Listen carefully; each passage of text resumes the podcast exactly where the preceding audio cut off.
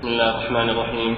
الحمد لله رب العالمين وصلى الله وسلم على نبينا محمد وعلى آله وصحبه أجمعين. أما بعد اللهم اغفر لنا ولشيخنا وللحاضرين. قال ابن سعدي رحمه الله تعالى النوع الثالث من علوم القرآن الكلية الجامعة علم الأحكام في العبادات والمعاملات والمواريث والأنكحة وسائر الحقوق والروابط بين العباد. قد جعل الله القرآن تبيانا لكل شيء وهو كما تقدم كتاب جمع التربية النافعة والتعليم. مزج هذا بهذا فما كان من العبادات معروفا بين المسلمين مفهوما فيه هدي النبي صلى الله عليه وسلم كالصلاة والزكاة ونحوها. اكتفى بذكره على وجه الإجمال أمرا به أو نهيا عن ضده أو ثناء على فاعله وبيانا لأجره وثوابه العاجل والآجل. ويكون تفصيل ذلك محولا فيه على ما علم وعرف بين المسلمين وعرف بين المسلمين وكذلك المعاملات ومن الأحكام القرآنية ما فصلت فيه الأحكام تفصيلا كالمواريث ونحوها. فلنبدأ بذكر العبادات الواردة في القرآن. فنقول مستعينين بالله. أحكام الصلاة.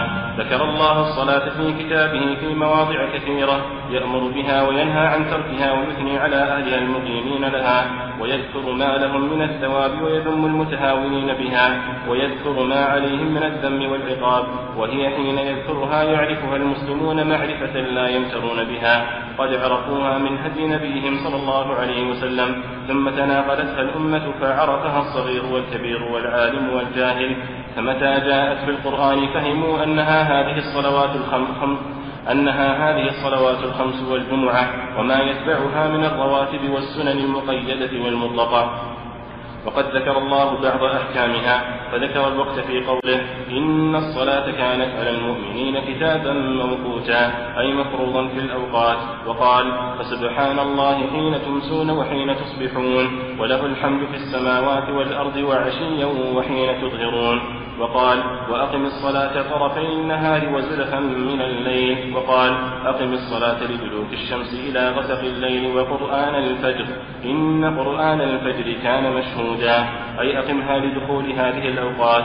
فدلوك الشمس مبتدأه, مبتدأه الزوال ومنتهاه العصر. فيدخل فيه الظهر والعصر وغسق الليل أي ظلمته التي فيها اختلاف بالضياء. فيدخل في ذلك صلاة المغرب والعشاء وقرآن الفجر أي صلاة الفجر. وعبر عنها بالقرآن باشتراط القراءة وإطالتها فيها. وقد حررت السنة هذه الأوقات تحريرا معلوما بين المسلمين وقال تعالى وثيابك فطهر وأولى ما دخل في الآية الكريمة تطهيرها بالصلاة وإذا وجب تطهير الثياب من النجاسات فتطهير البدن للصلاة من باب أولى وأحرى ولهذا قال تعالى يا أيها الذين آمنوا إذا قمتم إلى الصلاة فاغسلوا وجوهكم وأيديكم إلى المرافق وامسحوا برؤوسكم وأرجلكم إلى الكعبين. وإن كنتم جنبا فاطهروا. وإن كنتم مرضى أو على سفر أو جاء أحد منكم من الغائط أو لامستم النساء فلم تجدوا فلم تجدوا ماء فتيمموا صعيدا طيبا فامسحوا بوجوهكم وأيديكم منه. الآية فهذه الآية تدل على اشتراط النية ووجوب الطهارة للصلاة وأنه يجب فيها على المحدث حدثا أصغر تطهير هذه الأعضاء الأربعة المذكورة وأن الوجه واليدين والرجلين تغسل غسلا والغسل لا بد فيه من جريان الماء على هذه الأعضاء وأن الرأس يمسح مسحا وأنه يمسح كله لأن الله عمم ذلك وأنه يجب الترتيب بينها لأن الله ذكرها مرتبة. والموالاة لأن ظاهر هذا الصنيع لزوم الموالاة لكونها عبادة واحدة متصلا بعضها ببعض وأن المحدث حدثا أكبر كالجنابة وهي الوضوء أو الإنزال للمني أو أو هما عليه تطهير جميع بدنه وأنه لا يعفى عن شيء منه حتى ما تحت الشعور الكثيفة. وكذلك ذكر الله طهارة الحائض والنفساء في سورة البقرة بقوله حتى يطهرن أي ينقطع دمهن فإذا تطهرن أي اغتسلن فأتوهن من حيث أمركم الله. ثم ذكر طهارة التراب والتيمم وأن لها أحد سببين عدم الماء في قوله فلم تجدوا ماء فتيمموا. وحصول الضرر بمرض ونحوه في قوله أو كنتم مرضى وقوله فامسحوا بوجوهكم وأيديكم منه. صريح أن التيمم عن الحدث الأصغر والأكبر لأنه ذكره عقب الحدثين وأن النجاسة لا يتيمم لها فتجب إزالتها مع القدرة وتسقط مع العجز كسائر الواجبات ويدل على أن محل المسح للحدثين الوجه واليدان وهما الكفان فقط لأنه لما أراد إيصال الطهارة إلى المرفقين في طهارة الماء قال وأيديكم إلى المرافق. واكتفى تعالى عن الحدثين بتيمم واحد ونفى تعالى الحرج في الدين عموما. وفي الطهارة خصوصا فقال ما يريد الله ليجعل عليكم من حرج. وأقام الله طهارة التيمم مقام طهارة الماء عند وجود الشر وهو الفقد للماء أو التضرر باستعماله. وهذا يقتضي أن حكمها حكمها من كل وجه. فما دام متطهرا بالتيمم ولم يحصل له ناقض صحيح فهو باق على طهارته. لا يبطل هذه الطهارة دخول وقت ولا خروجه وإذا نوى به عبادة استباحها ومثلها ودونها وأعلى منها. وفي الآية الكريمة دليل على أن الأحداث المذكورة ناقضة للوضوء وهي الخارج من السبيلين ولمس النساء بشهوة لأن اللمس حيث أضيف للنساء كان المراد به الذي لشهوة كقوله ولا تباشروهن وأنتم عاكفون في المساجد وفي قوله فلم تجدوا ماء فتيمموا صعيدا طيبا. دليل على أن الماء باق على طهوريته ولو تغير بالطاهرات لأنه داخل في اسم الماء الذي لا يجوز العدول عنه إلى التيمم. لما فرغ المصنف رحمه الله تعالى من ذكر النوع الثاني من أنواع علوم القرآن وهو علم الآداب والأخلاق الكاملة شرع يبين النوع الثالث فإنه رحمه الله بنى كتابه هذا على جعل علوم القرآن راجعة إلى ثلاثة علوم كلية.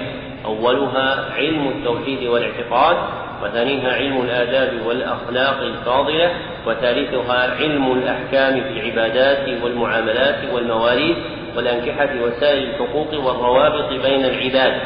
وأراد رحمه الله تعالى بعلم الأحكام علم الأحكام الطلبية المسماة اختصاصا في الفقه فإن كل ما تقدم يسمى أحكاما باعتبار حكم الشرع فهي أحكام شرعية تتعلق بالتوحيد والاعتقاد أو بالأخلاق والآداب أو بأبواب الطلب إلا أن الثالث منهن مخصوص بالأحكام الطلبية المسماة فقها فأل في قوله علم الأحكام عهدية أي علم الأحكام الطلبية.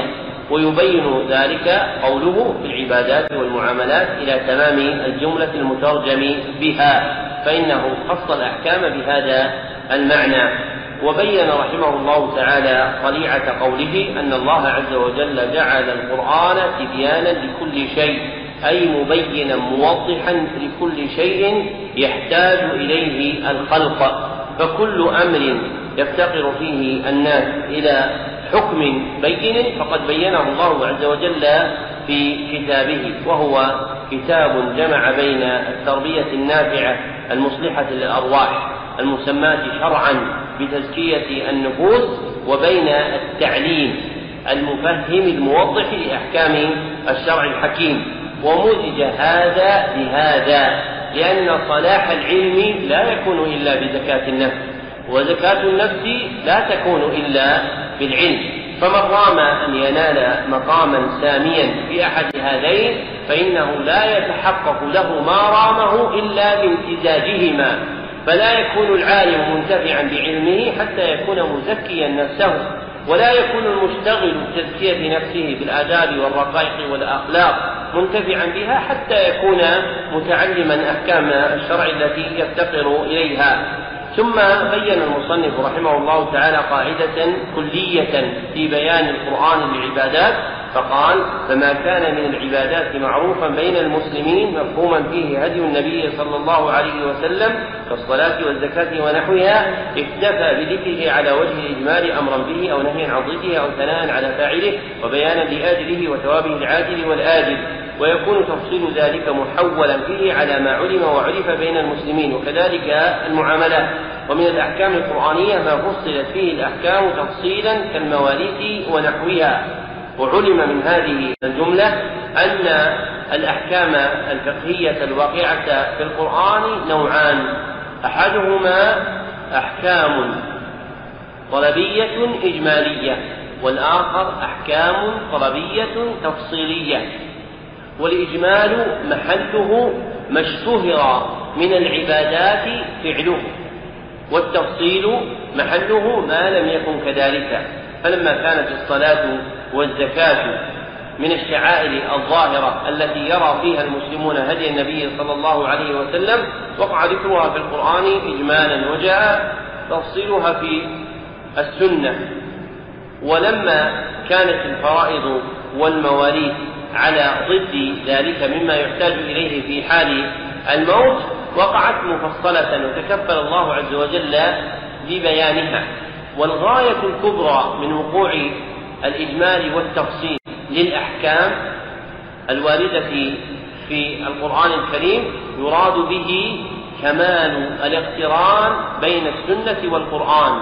فيقع إجماله في القرآن ويفصل في السنة أو يقع تفصيله في السنة ويقع إجماله في القرآن. كي يقرر في نفوس الخلق أن القرآن والسنة صنوان. لا يفرق بينهما فكلاهما وحي من الله عز وجل. كما أشار إلى ذلك حافظ الحكم في قوله فسنة النبي وحي ثاني عليهما قد أطلق الوحيان. فالقرآن وحي والسنة وحي. ثم ذكر المصنف رحمه الله تعالى أنه يبدأ بعد بذكر العبادات الواردة في القرآن. وهذه الزمرة من الكلام الآتي من كلام المصنف رحمه الله تعالى من أحسن ما دون مختصرا في أحكام القرآن الكريم أي في الأحكام الطلبية الفقهية المستنبطة من القرآن الكريم. وللفقهاء في ذلك كتب كثيرة. من أحسنها إيجازا هذه النبذة من هذا الكتاب وهي مدخل إلى تفسير آيات الأحكام. فكأن الله قدر بمزيد فضله ومنه أن تكون قراءتها في هذا الكتاب توطئة لقراءتها في تفصيل أكثر في كتاب موافق المقام في تفسير آيات الأحكام بإذن الله عز وجل. وقدم المصنف رحمه الله تعالى أحكام الصلاة لأنها أم العبادات الطلبية في الشرع. فذكر المصنف رحمه الله تعالى أن الله ذكر الصلاة في كتابه في مواضع كثيرة يأمر بها وينهى عن تركها ويثني على أهلها المقيمين لها ويذكر ما لهم من الثواب ويذم المتهاونين بها أي المتكاسلين اللامبالين بها ويذكر ما عليهم من الذم والعقاب. ثم قال وهو وهي حين يذكرها يعرفها المسلمون معرفة لا يمترون بها أي لا يلحقهم فيها مراء ولا شك. لأنها من العبادات المتواترة تواترا عمليا فإن الصلاة بأفعالها وأقوالها العامة مشهورة عند القاصي والداني والصغير والكبير من المسلمين. فمتى جاء ذكر الصلاة في القرآن الكريم؟ علموا علموا أنها الصلاة المأمور بها في اليوم والليلة من الصلوات الخمس. وصلاة الجمعة في يومها وما يتبعها من الرواتب والسنن المقيدة والمطلقة. ثم ذكر المصنف أن الله عز وجل ذكر في القرآن بعض أحكامها فذكر الوقت أي الذي تفعل فيه الصلاة في قوله إن الصلاة كانت على المؤمنين كتابا موقوتا أي مفروضا مبينا في الأوقات. فالصلاة وقدت في أوقات معينة مبينة. وهذه الصلاة هي الصلاة المعبودة وهي صلاة اليوم والليلة. فصلاة اليوم والليلة جاء بيان أوقاتها في القرآن والسنة. وذكر المصنف رحمه الله تعالى طرفا من الآية المشتملة على ذلك كقول الله تعالى فسبحان الله حين تمسون وحين تصبحون والإمساء يندرج فيه صلاة المغرب والعشاء والإصباح فيه صلاة الفجر. وله الحمد في السماوات والأرض وعشيا أي صلاة العصر وحين تظهرون أي صلاة الظهر. ثم ذكر قول الله عز وجل واقم الصلاة طرفي النهار. وطرفا النهار هما الصبح والعصر.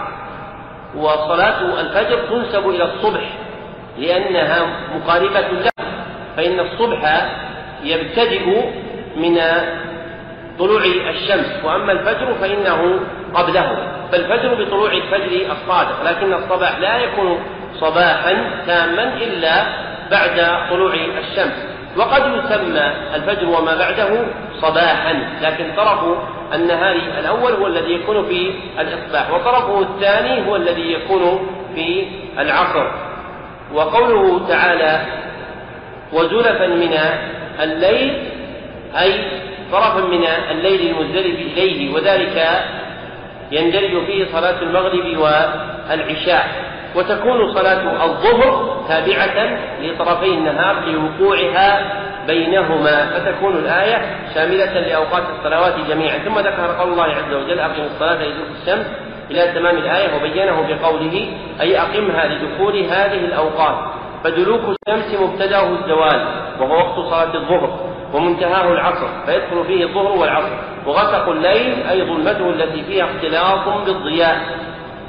فيدخل في ذلك صلاة المغرب والعشاء وقرآن الفجر أي صلاة الفجر. وعبر عنها بالقرآن لاشتراط القراءة وإطالتها فيها. والقراءة شرط أو ركن في كل صلاة. لكن ميزت صلاة الفجر باسم القرآن لأن السنة تطويل القراءة القراءة فيها أكثر من بقية الصلوات. ثم قال وقد حررت السنة هذه الأوقات تحريرا معلوما بين المسلمين أي في الأحاديث الكثيرة التي جاءت مبينة لتفصيل هذا الإجمال في أوقات الصلاة. ثم قال وقال تعالى وثيابك فطهر وأولى ما دخل في الآية الكريمة تطهيرها للصلاة. وإذا وجب تطهير الثياب من النجاسات فتطهير البدن للصلاة من باب أولى وأحرى. وهذه الآية يذكرها طائفة من الفقهاء دليلا على وجوب طهارة الثياب. والصحيح عند جمهور السلف أن المراد بالثياب هنا الأعمال. فمعنى قوله تعالى وثيابك فطهر أي طهر أعمالك. ويندرج في جملة تطهير الأعمال تطهير الصلاة. ومن جملة تطهير الصلاة تطهير الثياب وتطهير البدن. فتكون الآية صالحة للدلالة على إيجاب تطهير الثياب والبدن من النجاسات في الصلاة لأنها فرد من الأعمال المأمور بتطهيرها. فإن المرء مأمور بأن يطهر أعماله لقوله وثيابك فطهر. ومن جملة الأعمال التي تندرج في هذا الأمر الصلاة. ومن تطهير الصلاة أن يطهر المرء بدنه وثيابه فيها فتكون صالحة للدلالة على المراد الذي ذكره الفقهاء وفق ما بينا. ثم ذكر بعد ذلك رحمه الله تعالى آية الوضوء. يا أيها الذين آمنوا إذا قمتم إلى الصلاة إلى تمام الآية. ثم قال فهذه الآية تدل على اشتراط النية ووجوب الطهارة للصلاة لقوله تعالى إذا قمتم إلى الصلاة. فجعلها قياما مخصوصا إلى حال مبينة وهي إرادة الصلاة فليس قياما مطلقا غير مقترن بقصد معين بل هو قيام مخصوص متعلق بالقيام إلى الصلاة. ثم يندرج في جملة الأمر بذلك وجوب الطهارة للصلاة لأنه قال فاغسلوا وجوهكم وأيديكم فأمرهم بهذا التطهر عند إرادة القيام للصلاة وأنه يجب فيها على المحدث حدثا أصغر وهو ما أوجب وضوءا تطهير هذه الأعضاء الأربعة المذكورة وأن الوجه واليدين والرجلين تغسل غسلا والمراد بالغسل ما تضمن إسالة الماء. فإذا وقع جريان الماء مسالا على البدن سمي هذا غسلا. أما إذا وقع تبليلا فلا يسمى غسلا وإنما يسمى مسحا ثم قال والغسل لا بد فيه من جريان الماء على هذه الأعضاء وأن الرأس يمسح مسحا أي يجرى تجرى عليه اليد ببلل دون إسالة الماء عليه فيسمى هذا مسحا واسم المسح في لسان العربي والشرع أعم من ذلك فإن المسح اسم للغسل والإمرار بلا إسالة فهو عام وهو أعم من الغسل والغسل فرد من أفراده. ثم قال وأن الرأس يمسح مسحا وأنه يمسح كله لأن الله عمم ذلك. فقال وامسحوا برؤوسكم كقوله ثم ليطوفوا بالبيت العتيق. فجعل طوافهم بالبيت كله فكذلك يكون المسح للرأس كله. ثم قال وأنه يجب الترتيب بينها لأن الله ذكرها مرتبة فيجب عليه أن يبدأ بغسل يديه إلى بغسل وجهه ثم يديه إلى مرفقيه ثم يمسح رأسه ثم يغسل قدميه لوقوعها مرتبة في الآية. كما أن الله سبحانه وتعالى ذكر فيها ممسوحا بين مغسولات. والأصل فيما تقتضيه بلاغة العرب ألا يفرق بين المتناظرات. فكان مقتضى البلاغة أن تذكر المغسولات ثم يذكر الممسوح.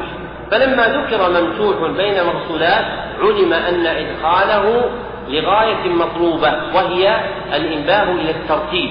ذكر هذا ابن المنجى وابو العباس ابن تيمية وتلميذه ابو عبد الله ابن القيم فإدخال ممسوح بين مقتولات دال على إرادة الترتيب. ويجب أيضا الموالاة أي المتابعة بين هذه الأعضاء لأن ظاهر هذا الصنيع لزوم الموالاة لكونها عبادة واحدة متصلا بعضها ببعض فلا بد من بناء بعضها على بعض. وأن المحدث حدثا أكبر كالجنابة وهي الوضع.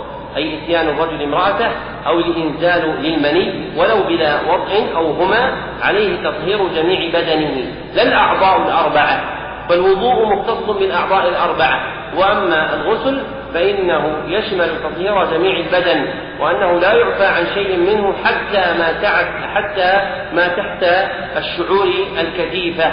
وكذلك ذكر الله طهارة الحائض والنفساء في سورة البقرة حتى يطهرن أي ينقطع دمهن من حيض أو نفاس. فإذا تطهرن بالاغتسال فأتوهن من حيث أمركم الله. فهذه الآية آية الطهارة وهي جامعة لأكثر أحكامها.